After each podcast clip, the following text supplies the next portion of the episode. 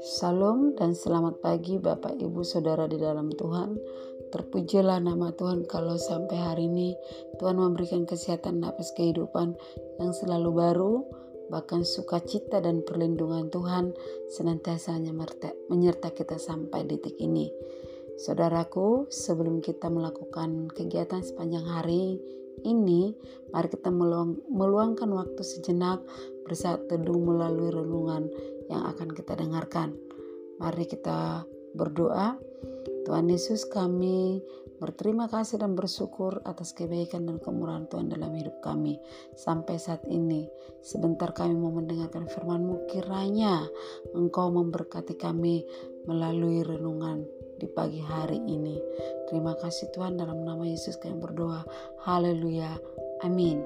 Bapak Ibu Saudara yang terkasih, pagi renungan kita hari ini dari pengkhotbah pasal yang ke-6.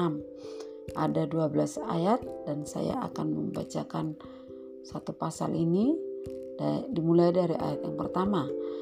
Ada satu kemalangan yang telah kulihat di bawah matahari yang sangat menekan manusia. Orang yang dikarunia Allah kekayaan harta benda dan kemuliaan sehingga tak kekurangan suatu pun yang diingininya tetapi orang ini tidak dikaruniai kuasa Allah untuk menikmati, melainkan orang lain yang menikmatinya. Inilah kesia-siaan dan penderitaan, penderitaan yang pahit. Jika orang yang memperoleh seratus anak dan hidup lama sampai mencapai umur panjang, tetapi ia tidak puas dengan kesenangan, bahkan tidak mendapat penguburan kataku anak gugur lebih baik daripada ini daripada orang ini sebab anak gugur itu datang dalam kesesiaan dan pergi dalam kegelapan dan namanya ditutupi kegelapan. Lagi pula ia tidak melihat matahari dan tidak mengetahui apa-apa. Ia lebih tentram daripada orang tadi. Biarpun ia hidup dua kali seribu tahun, kalau ia tidak menikmati kesenangan, Bukankah segala sesuatu menuju satu tempat? Segala jerih payah manusia adalah untuk mulut, untuk mulutnya. Namun keinginannya tidak terpuaskan. Karena apakah kelebihan orang yang berhikmat daripada orang bodoh? Apakah kelebihan orang miskin atau yang yang tahu berperilaku di depan orang. Lebih baik melihat saja daripada mulut nafsu. Ini pun kesia dan usaha menjaring angin. Apa pun yang ada sudah lama disebut namanya dan sudah diketahui siapa manusia, yaitu bahwa ia tidak dapat mengadakan perkara dengan yang lebih kuat daripadanya. Karena makin banyak kata-kata, makin banyak kesisiaan. Apakah faedahnya untuk manusia? Karena siapakah yang mengetahui apa yang baik bagi manusia sepanjang waktu yang pendek dari hidupnya, yang sia-sia yang ditempuhnya seperti bayangan. Siapakah yang dapat mengatakan kepada manusia apa yang terjadi di bawah matahari sesudah dia? Bapak, Ibu, saudaraku yang terkasih, penulis pengkhotbah ini boleh dikatakan adalah pengamat yang sangat jeli melihat kehidupan manusia atau kehidupan ini dan penulis ini tentu berdasarkan pengalaman dan pengamatannya tentang hidup manusia. Eh, ia mengibaratkan hidup ini sebagai sebuah perjalanan, berjalan di suatu lingkaran yang tidak berujung. Pada saat kita mencapai satu titik yang kita anggap sebagai ujung jalan, kita menjadi sadar bahwa di depannya masih terbentang jarak yang harus ditempuh. Kehidupan manusia tidak pernah berhenti dan merasa puas. Mereka yang kaya, yang sudah bergelimangan harta, masih saja kurang dan sebagainya.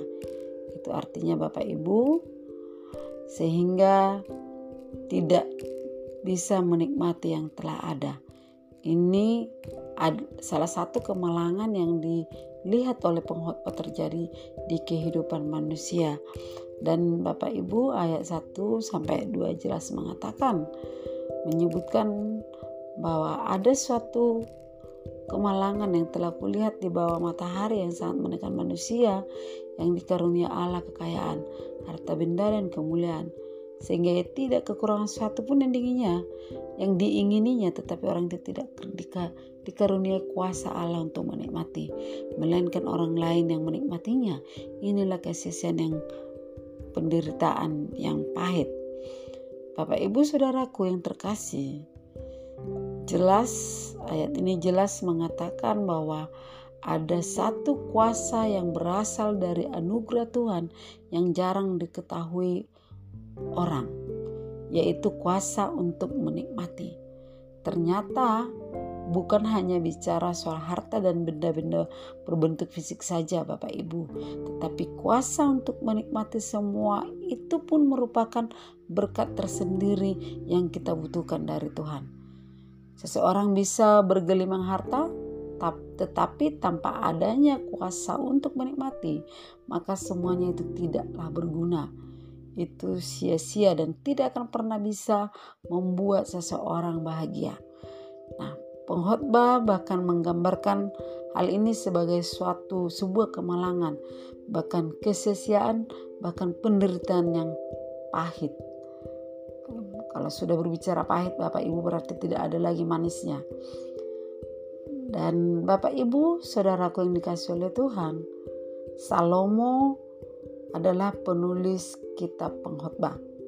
Salomo adalah anak Daud, seorang raja di Jerusalem dan Salomo mengatakan Bapak Ibu mengingatkan eh, bahwa kesisiaan kekayaan tanpa adanya kuasa menikmati justru berasal dari Salomo yang merupakan orang terkaya yang pernah ada di muka bumi. Kalau kita baca Bapak Ibu dalam bahasa Indonesia sehari-hari dikatakan ada kalanya Allah memberi kekayaan, kehormatan, dan harta benda kepada seseorang, sehingga tidak ada lagi yang diinginkannya, tetapi Allah tidak mengizinkan dia menikmati semua pemberian itu. Sebaliknya, orang yang tidak dikenalnya akan menikmati kekayaan itu, jadi semua itu sia-sia dan menyedihkan. Bapak, ibu, saudaraku yang dikasih oleh Tuhan, di dalam pengkhotbah pasal 5 ayat 19 dikatakan kekayaan harta benda atau berkat jasmani itu merupakan karunia Allah yang patut disyukuri.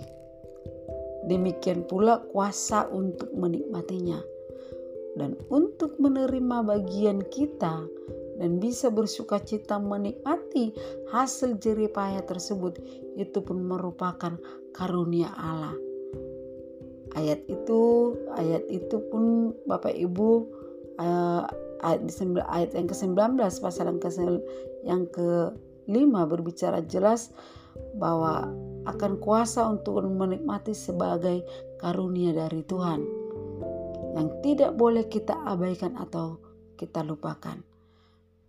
Saudaraku yang dikasih oleh Tuhan, jika pengkhotbah mengangkat pesan ini beberapa kali tentulah ini sangat penting. Apa yang dituliskan pengkhotbah adalah hasil pengalaman atau kesaksiannya sendiri yang ia tulis dari sebuah perenungan panjang.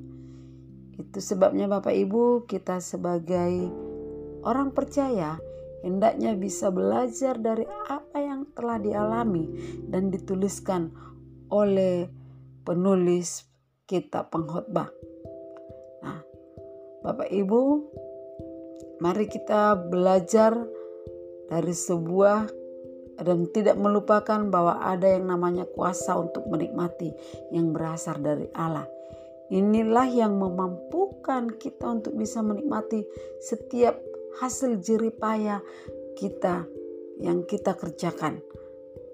Dan itu tidak tergantung dari besar harta atau apa yang kita miliki, melainkan dari sebuah, melainkan dari sejauh mana kedekatan, kesetiaan dan ketaatan kita kepada Tuhan.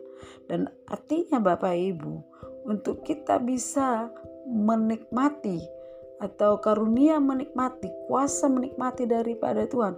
Untuk kita bisa memiliki hal yang tersebut Bapak Ibu, kita harus dekat kepada Tuhan sejauh mana kedekatan, kesetiaan dan ketaatan kita kepada Tuhan. Artinya Bapak Ibu sang pemberi pember, sang pemberi berkat Bapak Ibu.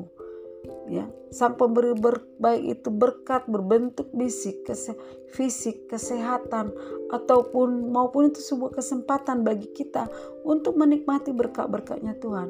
Tuhan sanggup menyediakan segalanya buat kita.